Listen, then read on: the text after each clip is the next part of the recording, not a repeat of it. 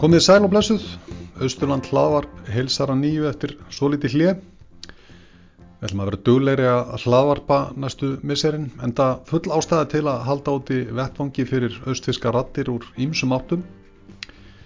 Við hjá Östubrú höfum snertifleiti við fólk úr ímsum geirum og greinum í gegnum verkefnin okkar og þá þjónustu sem við höldum úti. Við ætlum að nota þennan vettvang til að heyra í fólki sem er að gera spennandi hluti, fá að fræðast um verkefnin þeirra, hvað drýfur fólk áfram og vonandi fylla hlustendur okkar af innblæstri.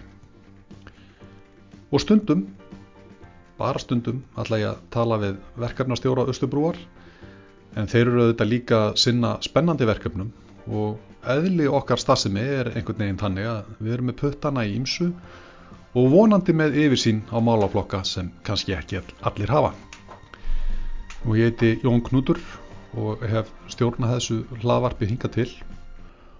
Og í þessum fyrsta þætti ársins skömm frá þess að segja þegar mánaðamót november-desember nálgast er tvent á dasgrá við ætlum í setni hlutana með að heyra í Margreti Sifúsdóttur í mjóafyrði og heyra af uppbyggingu heils árs ferðarþjónustu á þessum dásamlega stað sem mjóafjörður er Ef þið vissið það ekki þá er búið að opna vefin mjóifjörður.is þar sem hægt er að kynna sér staðinn og möguleikana fyrir gæsti. Hver er framtíðasín mjófyrringa í ferðamennsku og hvernig ætlað er að komast angað? Margret fræðir okkur um það. En við ætlum að byrja á spjalli við skúlabjörn Gunnarsson, fórstuðumann Gunnarstofnunar. En tilefnið er enga gleðilegt því samtök ferðarþjónstunar, eða SAF eins og við segjum, afhendu nýverið sín árlegu nýsköpunarverlun og nýsköpuna viðkenningu á 25 ára ammalis ráðstefnu samtakana í síðustu viku. Það var fyrirtækið Pink Iceland sem hlaut nýsköpunarverlunin en venju samkvæmt veitti dómnendin jáframt nýsköpuna viðkenningu og hana hlaut skriðuklustur í fljótsdal sem hefur um langt árabil verið vinsæl áfangastæður ferðamanna á Östurlandi. Í umsögn dómnendar sagði Skriðuklaustur er sögustadur með rústum miðaldaklausturs frá 16. öld. Minjar klaustursins voru grafnar upp á árónum 2002 til 2012 í einni umfangsmestu fordlega rannsókn síðari ára. Á skriðuklaustri stendur líka Herragarðshúsið sem er ritthöfundurinn Gunnar Gunnarsson byggði árið 1939 þegar hann sneri heim eftir 30 ára döl í Danmörku. Í Gunnarshúsi er síning um klaustrið og sapn um Gunnar Skáld með persónleiri leiðsögn fyrir gesti. Það er jáfnframt hið rómaða veitingahús Klausturkaffi. Undanfærin ár hafa forstuðumenn skriðuklausturs unnið að stafrætni þróun síningana, til dæmis með leikjavæðingu sapsins, Verkefnið var til í gegnum Európuverkefni sem snerist um að búa til verkværakistu fyrir menningasetur til að minka kostnað við að búa til sinn eigin síndaveruleika. Nýjasta viðbótinn er Uggi Littli sem er persóna úr einni af sögum Gunnars Gunnarssonar. Viðbótinn er svo kallað Augmented Reality eða aukin veruleiki þar sem gestir notast við símana sína til að skynast betur inn í lífið á skriðuklaustri og kynnast betur höfundunum Gunnari Gunnarsinni og verkum hans. Tilvitnum líkur. Heyrum hvað skúlibjörn hefur um þetta að segja. Sæl skúli og hjartalega til hamingjum með viðkenninguna. Eh, Kanski bara fyrst, það segir í umsögninni að, hérna, að þið hafi verið að vinna stafrætni þróun síningana ykkar, til dæmis með leikjavæðingu sapsins. Ef við byrjum bara á þessu, hver, hver er þessi stafræna þróun upp á skriðuklustri? Hva, hvað hafið þið verið að gera síðust árin? Já, það er náttúrulega eitt og annað og þetta reykja sig kannski eitthvað langt tilbaka í því. Þetta byrja nú, byrja nú daldið í einu norðurslóðaverkefni sem við byrjuðum í 2017. Þá fórum við svona að vinna meira inn í hérna stafrænu heima og, og uh, spratt meðal annars upp úr samstarf okkar við háskólan út í St. Andrews í Skollandi og Já. þá vorum við fyrst og fremst að vinna með uh, auðvitað klaustursöguna sem slíka og, og, og uh, það var varðið það að, að búa til líkan, þrývita líkan af, af klaustrinu sjálfu, miðaldaklaustrinu. Mm. Það var reynda búið að gera það áður, við gerum, gerum það í rauninni á 2012 samt strax í, í lok rannsóknar að það var búið til þrývitalíkan í, í SketchUp forritinu, en síðan var þetta svona orðið aðeins þróara auðvitað og, og, tæknin, tækninni fleikt aldrei fram. Þannig að 2017 og eða 2018 erum við í rauninni komið með fyrsta e, þrývitalíkanið af klaustrinu sem að hægt er að ferðast um í síndarheimi. Já. Og svo fórum við bara að skoða meira í, tengslum með þetta hvernig við getum verið að skrásetja landslægið og uh, förum út í drónamyndatökur á þessum ferðaleiðum frá klaustrinu og uh, síðan förum við í verkefni sem að snúast á um að að ná að skrásetta myndrænt allar jarðir klaustursins sem eru náttúrulega hér vitt og breytt um Östurland og ekki, ekki síst við ströndina og sumt uh, orðið í, í eigði byggðum auðvitað því þetta eru ystu annes sem að klaustri laði áherslu á að kaupa. Og, eh, og þannig að það er þetta svona undir svona smátt og smátt utan á sig og, og, og við og við hefur verið býstna áhugasum og, og um að reyna að vera alltaf leiðandi í þessu að því að gegnum þessi aeropaverkefni og, og annað þá höfum við verið að þá höfum við auðvitað séð hvað hægt er að gera. En, eh, en og þó að við séum bara lítil stofnun eða lítil sapn eða sapnvísir eins og við, eins og við erum vist að eh, þá eru tækifærin og möguleikarnir sem að hafa opnast á svona síðustu fimm árum í þessum stafrænu lausnum að, að þeir eru, það er eiginlega alveg ótæmandi. Já. Hverju hefur þetta breytt fyrir ykkur? Bara fyrir ykkar rekstur og, og upplifun ferðamanna? Hefur þetta, ég meina bara bein, hefur þetta bein áhrif á aðsó? Í það, ég veit nú ekki hvort það er svo sem farið að gera það ennþá, ég held að við séum svo sem kannski ekki þekkt fyrir að vera, vera Sagt, með að ferðamanna þá varum við kannski ekki þekkt fyrir að vera framæli á þessu sviðinni, maður mögulega er að svona fara aðeins að leka inn hjá Íslandingum en, en, en það kemur vonandi smátt og smátt. E, það sem þetta hefur breytt hins vegar að er, já það, það er bara alltaf gaman að því þegar að við fáum heimsóknir af frá, já fáum einhverja gesti frá útlöndum sem að, að eru kannski svolítið að vinna í þessum gera Og, og þeir svona og þeir svona segja alveg svona já, vá, já, þetta ég hef nú aldrei búist við að finna þetta einhvers staðar en í dal á Íslandi. Ég get ekki einu svona fundið svona svona í borginni hjá mér sko.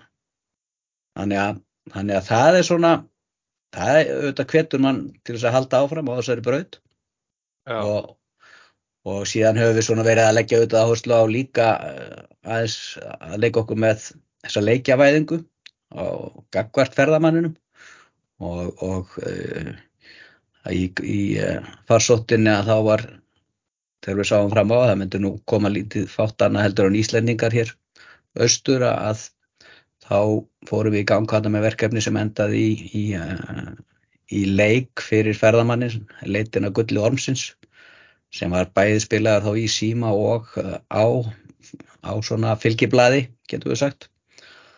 Og var hafið það markmið að dreifa ferðamanninum aðeins betur um og honum færa á að, að kynnast stöðum, sögu, sögulegum stöðum eða náttúrustöðum sem hann hefði mögulega alla ekki færið á en, en, en gera þetta í rauninu með þessari leikjavæðingu þar sem að, að áhugin er kveiktur og, og fólk fer á milli staða til þess að leysa ákveðinu verkefni og, og auðvitað ná síðan hátt á, á, á stegatöflunni.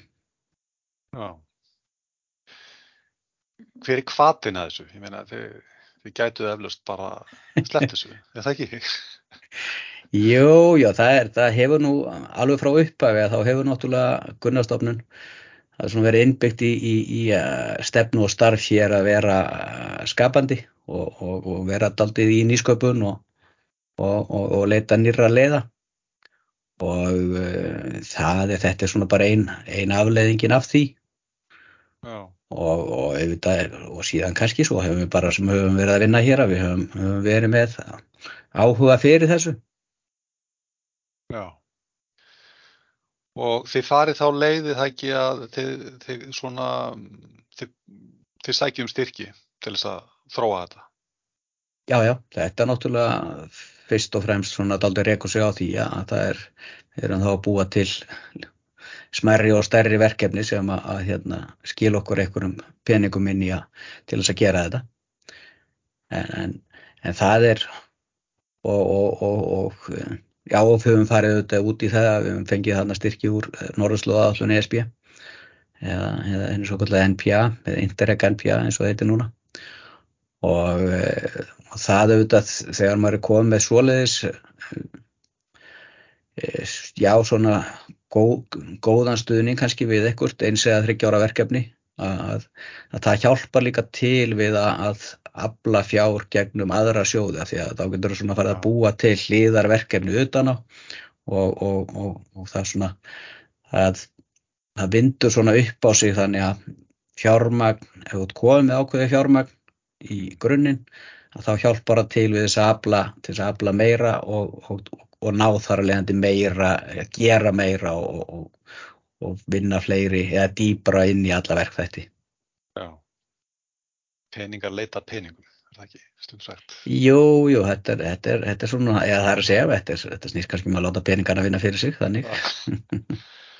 Já, um, já, hva, hvað er næst svona, næsta döfinni hjá okkur í þessum, í þessari stafrænu fróðum? Það er náttúrulega það sem við gerðum svona síðast og ennú kannski að einhverju leiti líka á bakvið, bakvið þessa viðkjöningu er að, er að við, við svona tókum gunnar aðeins, þetta hefur, þetta hefur svona svolítið snúið meira að klaustursögunni sem viðlun okkar. En, en núna erum við að færa, færa okkur yfir á, á skáldið í meira mæli.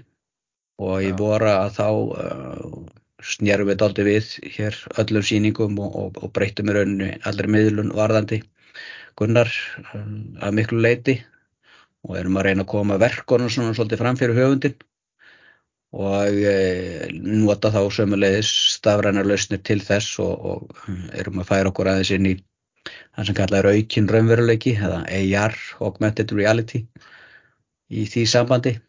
Þannig að við uh, það byrjaði hér einn lítill stafræn starfsmæður í voru að, að, að, að fylgja börnunum, yngri kynnslóðunum og fjölskyldunum um húsið og segja, segja frá Gunnari og, og, og, segja frá verkonum. Það er hann Uggi Littli Greipsson úr fjallkirkjunni sem er, er lifnaður við hér í lítilli, lítilli sérteiknaðri fígúru sem að sem að er með 14 senur hérna í húsinu núna og byrtist þá í rauninni á, og, eða við getum sagt að börnin séu að leita að honum og geti, geti hitt hann í gegnum snjálfsímana. Það sem er byrtist þeim þá í umhverjunu. Þetta er náttúrulega svona stór spurning, en sko er þetta framtíðin í síningastarfi eða munu þessir tveir veruleikar lifa svona hlið við hlið þessi hefðbundna síning það sem þú gengur um og já, með hérna, mennskan leðsugumann sem sýnir þér eitthvað sem er á staðnum og svo þessi, þessi svona stafræna leðsögn og þessi, þessi stafræni heimur. Þetta mun, sko, fræðiminn segja nú að þetta muni bara svona hægt og bítandi renna í rauninni saman þannig að þú svona, þú í rauninni takir ekkert eftir því þú sérst að færast á milli síndar heima eða, eða raunveruleikans. Eh, það verður svona ákveðin, ákveðin þetta verður bara svona eðlilegt þetta verður bara svona jafn eðlilegt og að þú, þú, þú tekkar á símanuðinu og, og e, ég er þeirra skoðunar að e, þetta gefi engöngu meiri tækifæri. E, þú, þú í rauninni nærið aldrei að slá út persónulega leiðsögn með þessu því að, að mannlegur leiðsögumæður eh, sem, sem getur fengið, öll, fengið þau svör frá sem að þetta eftir í huga að spyrja spyrja um að, að hérna þá að, það er nekkit aldrei neitt sem kemur í staðin fyrir hann. En uh, öll þessi tækn og allar þessar stafrænu lausnir að það geta hjálpað okkur til þess að búa til svona lög af upplýsingum uh, sem fólk getur þá valið úr bara út frá eigin persónulega áhuga Þannig að þetta á að geta leitt til þess að mann geti fengið rauninni mjög persónlegri upplifun á hverjum staði ef þetta er gert rétt. Og, og, og sömuleiðis að þá eru hérna stafrænu lausnir að, að þær, og ekki síst kannski, einmitt aukinn raunveruleiki, þetta gefur þér kost á því að þú þarf ekki að umturna síningu endilega, heldur að þú getur bara lagt svona bætt ykkur við hann og lagt ofan á hana. Mm -hmm. Eh, hvað heldur með svona, nú, eru þið búin að hérna, fá þessa viðkenningu og maður svona veldi fyrir sér, nú eru náttúrulega ótrúlega fjölberitt safnastarf á Östurlandi með að við stærð. Og maður svona veldi fyrir sér að, veist, þið, farað þessi áhrif að setla víðar, er, er þetta það sem kannski svona einhver framtíðamúsik fyrir safna og síningastarf ég kannski ekki bara á Östurlandi bara á Íslandi. Já, ég, ég held það og ég hef nú svona verið að reyna að bera út bóðskapin en, en og, og, og það er alveg farið að setla, setla inn held ég við og það sem að e, ég get svona sagt að, að markmiðið líka svolítið með þessu og, og sömulegis því þá að vera að kynna þetta með einhverjum hætti og, reyna svona að, að sína fólki fram á að þetta sé orðið mögulegt. Að, að það, er, það er kannski bara að gera fólki grein fyrir því að á síðustu, síðasta áratug og jáfnvel bara á síðustu fimm árum þá hefur orðið svo mikil breyting í þessu að þú getur gert orðið miklu meira fyrir minni pening án þess jáfnvel að kaupa að einhverju sérfæðaþekkingu vegna þess að, að tæknin, tækninni hefur bara, hefur bara þróast svo ört og er allt komið miklu nærmanni. Þetta er bara svona eins og var þegar að fyrstu heimasíðunar voru gerðara, ég meina þá þurftur við að kunna forritun og, og, og svona en, en nú, en svo fljótlega þá kom þetta inn í, inn í það umhverfi að það gatna náttúrulega hvaða maður sem var hend upp einhverju heimasíðu og, og þetta er svona sama í þessu að Eh, gáttirnar inn á netinu sem þú getur verið að nýta þér til þess að koma, til þess að setja inn upplýsingar og matriðaðar á eitthvað sérstakann hótt að þær þeim fjölgar stöðut eh, snjálfsýmin sem er náttúrulega að verða komin í hversmanns og asa allavega á Íslandi að þar erstu með miðlunatækið og e, þetta snýr síðan sömulegist aldrei mikið að því í daga að e, að búa til miðlun sem að krefst þess ekki að þú sækir eitthvað app í síman hjá þér af því að fólki er, verður, er að verða æverfið það að, að hala niður einhverju, einhverju smáfóruti í síman hjá sér. Og uh, þessi aukni raumveruleiki sem við erum til dæmis að vinna með hér sem við getum bæði nota til þess að byrta svona talandi fígúrur og, og sömulegis bara til þess að byrta einhverja texta á spjaldi á öðru tungumáli að uh, við erum bara að nota það sem, það sem er kallaður uh, í rauninni vef uh, miðaður aukinn raunveruleiki sem að nota bara síman og vafran í síman í höður ja. eða semst myndavelina og, og vafran til þess að greina, greina þau, þau takk sem að þarf til þess að það byrtist eins og við viljum í síman í höður þannig að þetta er allt saman þetta er alltaf verið miklu einfaldara. Og en þetta en, en, en, en flæðið auðvitað og, og magnið sem er þarna úti af alls konar svona dóti að það er náttúrulega sömulegis að verða alltaf meir og meir. Já. þannig að máli snýst kannski bara svolítið um það að fá aðstóð við að finna út hvað getur nú hendað í þessu og þessu tilfelli. Og, og, og fá svona kannski svona lámarks skilning á því sem að hægt er að, að nota og hvernig menn er að nota það Þannig að, svo ég skilji þið rétt, menn þið bara mikið til gerðið þetta allt sjálf, sem við. Já, hér, við, við reynum að gera eins mikið hér innan hús og við getum og það, það, er, það, er, það er svona markmið í, í flestu þessu verkefni sem að, að ég er búin að taka þátt í og, og, og, og setja á stopna að það er í rauninni það að búa til svona verkfærakistur fyrir smerri söfn og setur sem að til þess að til þess einmitt bara að menn geti verið að nota stafrænu lausnir án þess að eiga eitthvað fjármagn til þess að gera það. Af því að, að, því að, að það er þetta við þekkjum öll þessar litlu stofnarnir bara eins og hér, ég meina við erum bara með tvo heilsástafsmenn og, og, og, og það, er, það er bara sama staða og mörg söfn og setur á Íslandi eru í og svo sem við erum heim. Og þú, þú og, og allir, allir að slást um það, slást í því að bara reka, reka sig fyrir það fér sem þeir hafa.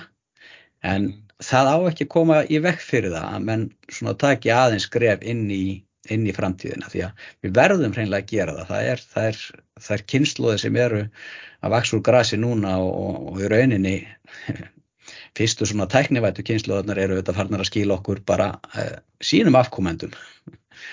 Og, og, og, og ef við gerum og ef við hugsum ekki út í það að, að miðla á þann hátt sem að fólk er að verða vant sko, að þá, þá bara draugumstu smátt og smátt aftur úr og það. Þannig að það er svona. Og uh, ég vitna, vitna oft oft í uh, bandarískan fræðumann sem heitir Ed Rodley sem að, að hérna hann skrifaði ansið góða grein fyrir nokkur árum um, um, um hvernig í rauninni kannski söfn væru bara að ganga sjálfum sér döðum uh, vegna þess að þau væru ekki nógu opinn fyrir nýri tækni, þau væru ekki nógu opinn til að, miðla sínu efni á, á opinnhátt heldur reyndur svona að loka loka það full mikið af og halda þau svona fyrir sig og útvalda en, en, en þannig að, að öll opnun og og svona að stíga eitthvað skref í áttina að, að tekni lausnum að, að ég held að það gerir bara gott. Kanski bara lokum skúli. Hvaða máli skiptir það að fá viðurkenningu? Það skiptir alltaf máli að fá viðurkenningu því að það svona staðfestir að, að maður sé að gera eitthvað rétt, það sé eitthvað fleiri á sömur skoðunum að það er sjálfur og, og, og þannig að þetta var, var mjög mjög gaman að fá þessa viðkenningu á grundvelli þessara nýju stafrænu lausna sem við höfum verið að nota hér í starfinu. Gott og vel, eru það er náttúrulega eh, jólaverkin framöndan hjá ykkur, grílugleði og Jújú, þetta eru svona, þetta eru svona fastir, fastir liður á þessum ástíma, þessi, þessi viðbörðu sem við höfum gert að hefð, ef svo má segja, að þannig að það eru framöndan, já, það er grílugleið á fyrsta í aðvendu og, og síðan verður aðvenda Gunnarsöðu talið hér í, já, það verður 10. desember að þessu sinni. Hver les ef við má spyrja? Það verður hún Jóhanna Fridrika Sæfisdóttir, leikona. Já, já. Það ætlar að koma og lesa fyrir okkur í þetta sinn. Gott og vel skúli, takk hella fyrir spjallið og gangi ykkur vel. Takk fyrir það. Já, það er alltaf gaman að heyra í skólabitni og á þessum eilífa endur nýjónakrafti sem finna má í fljótstall. Þess má kannski geta að Östurland hefur verið nokkuð sigusælt í verðluna afhendingum samtaka ferðarþjónustunar. Nýsköpunarverðlunin fjallið þannig í skaut Östurlands í fyrra þegar vögbaths hlotnaðist þessi heiður og árið 2016 var óbyggðarsætur Íslands hlutskerpast. Þetta sýnir þetta bara að ferðarþjónustan er í mikill í só fyrir Östurland og við ætlum að halda áfram á þessum nótum því í mjóafyrði erum við með áform um að byggja upp heilsás ferðarþjónustu. Sum ykkar sem þekki til reykið kannski upp stóru augu en það eru samgöngur til mjóafjörðar oft erfiðar, svo ekki sem er að sagt en kannski þarf ekki alltaf að mæta á staðin kerandi eða hvað. Heyrum í Margreti Sigfúsdóttur sem er manneskjan á bakvið þessa uppbyggingu. Sæl Margret. Sæl þessu. Það vita allir að mjóufjörður er fallegast staður á Jarlíki en hvernig ætlar að samfæra ferðamenn að koma þarna um meðanveitur? Byggja upp hilsás ferðarþjónustu?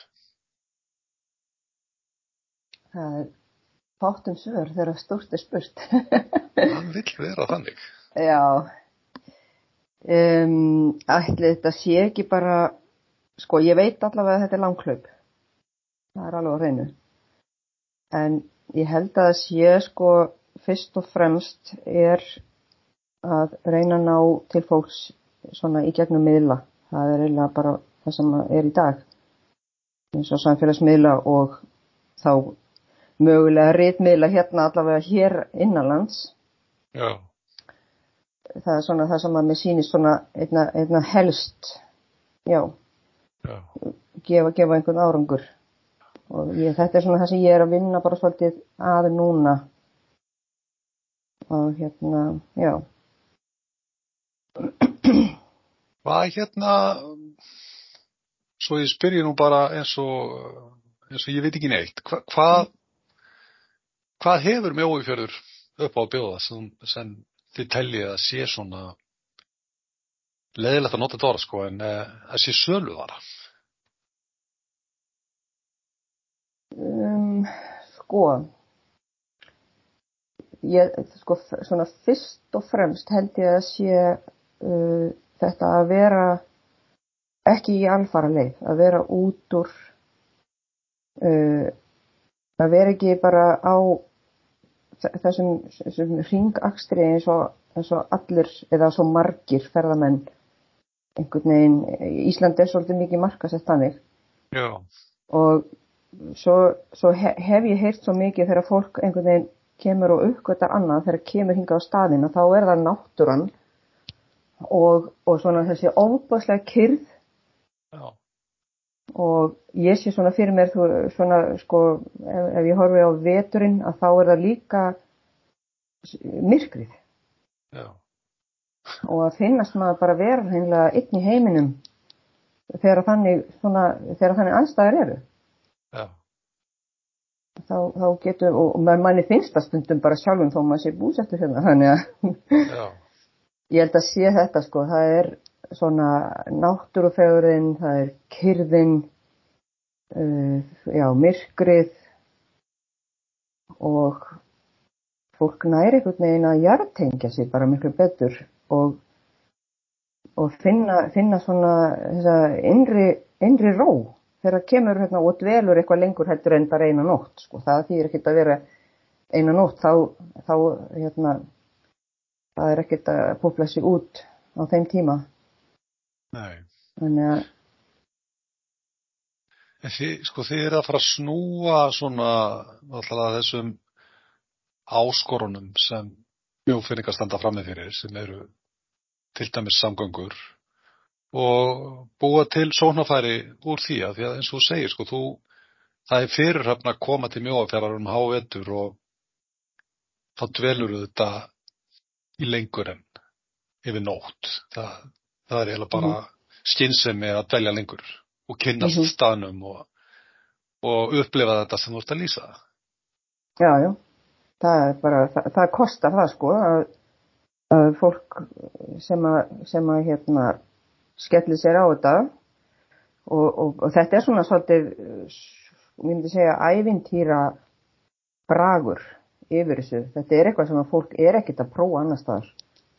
Að fara yfir með bát, það getur lent svo sem í alls konar veðrum og það er náttúrulega ákveðin líka lífsreynsla út af fyrir sig og hérna og svo þetta að, að fá líka þess að nánd við íbúana vegna þess að það er það sem ég vil líka svolítið leggja áherslu á að, að, að hérna, þeir eru ekki margir sem að myndi koma yfir þennan ástíma yfir vetturinn og, þá auðvitað ef að fólk kýs það, maður auðvitað ekkert að þrönga sér upp á fólk Mm. en, en, en ég held að þeir sem að myndi leggja leysina hinga þeir myndi vilja fá samtalið með heimamennunum og, og fá insýn inn í lífið hér hvernig er bara að búa hérna og, og, og, og það sem við erum bara að, að viðhafast Já. þannig að Eh, Er, er, eru, eru mjófinningar til í þetta að svona að að fara að veðja eins á þennan hest? Já, ég finn ekki að bannað og, og hérna og það er þegar, þegar að einhverjir koma svona að, ég man eftir fyrir nokkrum árum að þá komu hérna minnir að þetta hafi verið frá mm, ég held að það hafi verið belgar held að það hafi verið, já, sem að komu hérna og gerðu hérna sjónastátt. Og, og tóku upp hérna og þeir fóru hérna bara nánast, ég segi ekki alveg í hvert hús, þau voru nú svo sem ekki mörg en, en hérna tóku alveg púlsinn á fólkinu og það voru allir sko ofsalega opnir og fúsir til þess að veita svona viðtöl og spjalla og, og bjóða þeim inn á heimilið og þannig að ég held að það sé í raun ekkert öðri þó að þetta séu sko svona ferðamenn en ekki einhverju fjölmiðlar. Já. Hvað hérna, þú ert mjófinningur, þú ert dóttir Fúsa og Jóhann á Brekku og, og þú ert fætt þarna og upp alinn. Já, Eh, hvenar tekur þessa ákverðun að, já, ég get ekki, maður verið bara að segja að hella út í ferðarþjónustu, þú ætlar að, að, að byggja upp ferðarþjónustu, heilsás ferðarþjónustu. Hve- Hvenær er þessi ákverðun tekinn? Og hver er kvatin að henni? sko ákvörðunin er nú ekki mjög ekki mjög sko gömul með heilt sko heilsás af því að ég var hef verið bara frá því að ég var nýja, tíu ára gömul alltaf verið að hærast í þessu bara með mömmu og hérna og sumrin eh, meir og minna, ég man kannski eftir einhverjum, ég veit ekki, þremur, fjórum sumrum frá því að ég var krakki sem að ég var ekki alveg bara á fullu í, í hérna þessari þjónustu. Þannig að þetta var alltaf eh, svona, þetta hefur alltaf verið eh, sko oftast nær hefur þetta verið svona ánæguleg upplifun að sinna þessu. Og svo þegar ég fór að vera meira svona, eh, svona viðriðin þetta, taka meira þátt í bara að halda utan um bókanir og allt þetta, þá svona, já, kveiknaði þessi svona enn frekari áhugi og svo fór ég sérst í ferðarþjónustunámið á hólum og, og va- var nú að dunda mig við það í svolítið svona góðan tíma en kláraði það 2020 og þá svona veist, fór mamma að tala um svona já, æ, hún væri svona vissi ekki alveg hvað hann ætti að gera með þetta og væri svona orðin svolítið þreytt á því að vera bara algjörlega bundin í þessu og, og sagðist að bara vera sem bara hvað er að hætta þessu bara? Sagðist, var svona, vildi ekkert vera ít þessu sko að mér alveg en gaf það svona í skein að já, hún vissi ekki alveg hvað hann ætti að gera með þetta og ég sagði bara, þú ert ekki að fara að láta þetta í hendunar á einhverjum öðrum eða bara hætta. Ég náttúrulega tek þetta bara. Svo leys að þarna kom svona þessi bara alveg vendipunktur. Já. það sem, að, það sem ég tek bara alveg yfir og við göngum frá því þarna 2020 bara strax í kjölfar að ég klára þarna námið sem að var samt kannski bara ákveðin uh, tilviljun að það væri eitthvað á þeim tímapunkti. En, en svo og eftir það að þá sko var, ég var hérna först uh, í kennslu á eigilstöðum, ég var sagt, alveg fast ráðinn þar Mhm. á, á veturnar á þessum tíma. En svo ákvæði ég bara það var hvað sagt, síðasta vetur ekki núna þennan vetur þar á undan þá ákvæði ég að taka mig launlist leifi og sjá svona hvernig mér fyndist þetta. Hvort að, hvort að ég væri svona hvort þetta væri eitthvað sem að ég svona vildi hella mér út í og, og ég var náttúrulega alveg svaka galvesmaður og hugsaði já ég er örgulega komið með einhverja hérna var og hérna, koma hérna í bústæðinni hjá mér og eitthvað svona.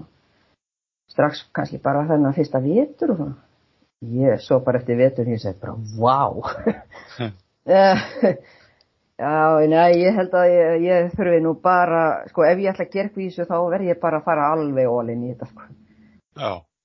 Þannig að, og þá sagði ég upp starfinu mínu hérna í Egilstaðskóla og, og fór bara alveg hingað inn, inn, inn í mjóðfjörð til þess að dvelja allan tíman því að, að því að það er líka svolítið vond þegar maður er ekki á staðinum svo er kannski einu haft samband við mann óvænt einhverjum dettur í hugja að koma og þá er maður ekki á staðinum og þá þarf maður að fara að svona, já, gera ráðstafanir og Þannig að, þannig að já, mér fannst þetta bara, þetta var bara, þetta var bara komin tíma á þetta. Já. Eh, sko, ef við hugsaum aðeins um bara, ef við ímyndum okkur svona ferðalag hjá, hjá einhverju mannesku, ég meina hún, eh, getur við gefið okkur það að ferðalagi, veist, það hefst á brygginu á Norrferði og þaðan tekur ferjuna til mjóafjörðar, ekki satt? Mm. Uh, og hvað tekur svo við? Uh, sko, ég er með, uh, það er hérna kollegi minn í Hollandi sem er búin að vera í samstarfi við mig í hvað, þrjú, fjögur ár og hann er svona rosalega spenntur fyrir Östurlandi og hann hérna vildi endilega að við myndum gera eitthvað svona, svona pakka, samstarfspakka og, og þá myndi ég búa til einhvern pakka sem myndi mig byrja á bryggjunni á Norðfyrir og þá væri það sérst á mánu degi þá kæmi, kæmi gestindir hingaði yfir með batnum og ég, ég tæki bara mótið þeim á bryggjunni og ég myndi bara koma, þú veist, fylgja þeim upp, upp í bústað sem bústað og svo myndi þau dvelja frá mánudegi til fymtudags, það er svona uppsetning pakkans, auðvitað er þetta að hafa þetta í hvaða tíma einn sem er. Og svo myndu þess að vera innifalið í þessu, það er bara, þú veist, það er bara allt, veist, það er bara ferðin yngað yfir, það er fyllt upp af bústænum, síðan mynd, myndu við eftir bara hvernig veður farið er, það er náttúrulega svo misjönd að ég er með reyði hjól sem hægt er að hafa aðgangað og svo væri ég með þá snjóþrúur eða eitthvað sem væri hægt svona ef að, ef að snjóar. Uh, og svo væri þeim sko velkomið að koma og, og hérna koma í fjárhúsið og gefa þénu og, og svo var hugmyndin að hafa einn hérna svona kvöldverð með heimamönnum Já. og þá, þá væri það líka innifælið í þessu, það væri í, í bóði heimamanna mm. og þá væri það eitthvað svona svolítið þjóðlegt og svo væri það náttúrulega bara eftir dvelina hér, þá væri bara aftur fyllt nýra bryggju og, og færi svo bara sömuleg tilbaka Já, hvað hva, hérna hversu mikla gistingu ertu með í, í, í bóði í mjófriði? Sko, eins og er að þá eru sumabústæðinni mínu, þeir eru uh, svona einu hýbílinn sem að ég tristi almenlega fyrir vetröðvöld. Ég veit að það er sko gisti heimili líka en húsið er bara þess eðlis að þetta var byggt upp sem verbúð í upphafi og einangrunin er bara ekki, ekki nægilega góð. Svoleiðis að, að hérna, þá er þetta, það eru komast fjórir í hvort bústað og ég er með tvo bústaði að Já. Þannig að þetta, þetta eru svona, veist, þetta er ekkert margir til þess að svona, en það þarf kannski ekkert mikið í, í start. nei, nei, nei, akkurát. Og ég meina, og hinn er allra hörðustu, getur náttúrulega að það er bara á fjallaskíðum, hvort sem væri frá Seyðisfyrði eða, eða Norrfyrði eða, já, já. eða, eða yfir heiðina eða hvernig sem já, það væri. Já. já, ég hef alveg fengið sko fyrirspurnið, það var til dæmis ég held að sér ekki með mun að það var núna snem í vor að þá voru aðilar sem að ætluði að leggja frá seðiseri og hingaði yfir. Og þeir bara þetta var á þessu tímabilið þarna í, mér minnir að þetta hafi verið sagt, kringum mars þegar það var svo leiðilegt veður og svo aftur hérna í lók janúar og, og februar og þeir hittu bara á svo leiðilegan dag að þeir snýru frá. Já þetta var í annars skipti sem þeir höfðu orð á þessu og voru búinir alveg að plana en þurfti að snúa frá. Þannig að kannski eh, gera þeir til þennan veturinn. Já. Allt því það þrettur kannski. Já, það lítur að það. Hva, hvað hérna, nú, þú ert búin að opna þennan VF mjóifjörður.is, þetta er svona gluggi inn í þessa þjónustu og, og bara gluggi til mjóaferðar. Já. Um, hann, hann er bara nýjofnaður, ekki? Jú, það var núna í snömmi í vor sem að ég gekk alveg frá þessari heimasíðu. Já. Og hérna... Og... Já, það, það er... Já, fyrir ekki. Planið er að, að hérna, og það er það sem ég er að vinna eh, að núna og ætla nú helst að koma því frá mér núna fyrir, fyrir áramót að setja þarna inn líka bara helst ef ég get, ég á náttúrulega eftir að kanna hvort það sé mögulegt að setja bara sér svona eins og hlekk á veturinn. Þannig að það sé bara pakki sem að fólk getur bara skoðað hvað er í bóði, hvað er innifælið og hvað kostar og getur bara bókað þarna. Já. Þannig að, já.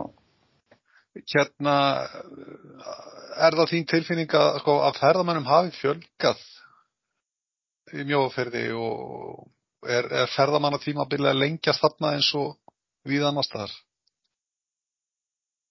Það, já, ég, ég held, já, mér langar til að segja að það sé þannig, ég, ég, en, en af því að við höfum ekki verið með náttúrulega heilsásopnuna, af því að sko ég hef verið í kennslu á veitunar, þá hef ég verið svo bundin við að, að vera bara með þjónustun að opna fram í sko lok águst mestalagi.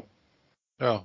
En, en síðan núna, bæði þennan þetta haust og, og haustu og undan, og þá sko, var ég til staðar og gæti teikt þetta og þá var bara, sumabústæði til dæmis, þeir eru bara bókaðir alveg út september og, og ef að það er fært yfir heiði, þá er alveg, dettin bókan er alveg fram í oktober. Já. Þannig að það, það er alveg, já, það er alveg ótrúlega langt inn í, inn í haustið sem að sem eru, eru, eru aðsókn hingað. Já. E, þannig að sko veturinn hjá þér núna framöndan, hann fer náttúrulega væntalega að hluta til í það bara vekja aðtekla á þessu og, og þú ert, þú skráða mannamótið það ekki? Já, jú. Já. Þetta er, ég ætla að fresta gefunar í annarsinn. Þetta var, þetta var svona bara gerðin að pröfa finnst mér hann í fyrra, það vissi ég bara ekkert hvað ég var að fara út í. Þannig að, í fyrra núna að síðasta, í, í janúar síðasta. Þannig að þetta verður, já, þetta verður öðruvísi núna, nú, nú, veit maður svona ákveður maður vona. Já. Þannig að þetta er mjög skemmtilegt. Bara. Hvað þarf að ganga upp til þess að þetta gangi upp? Þetta meina bara hérna í, í, í vetri ferðþjónustunni? Já. Sko, ég held að þurfi fyrst og fremst þarf uh, bara virknina mína held ég, fyrst og fremst í að koma svo framfæri. Ég held að það, það, þetta veldur bara á því og, og að fá jafnvel þá bara möguleg einhverja aðra með sér inn í það að, að veita, að veita þessu aðtikli að, já, og hérna, ég held að það sé svona það sé svona stærsta svona í, í sko byrjunin á. Já. Stærsta atriði. Gott og vel, Margrét. Ég, maður er auðvitað bara spenntur, hver veit. Kanski maður færi bara í orlof yfir mjóafjörð. Það hljómar dásamlega alltaf í mín eru. Takk fyrir spjallið og gangi ykkur vel. Takk fyrir það.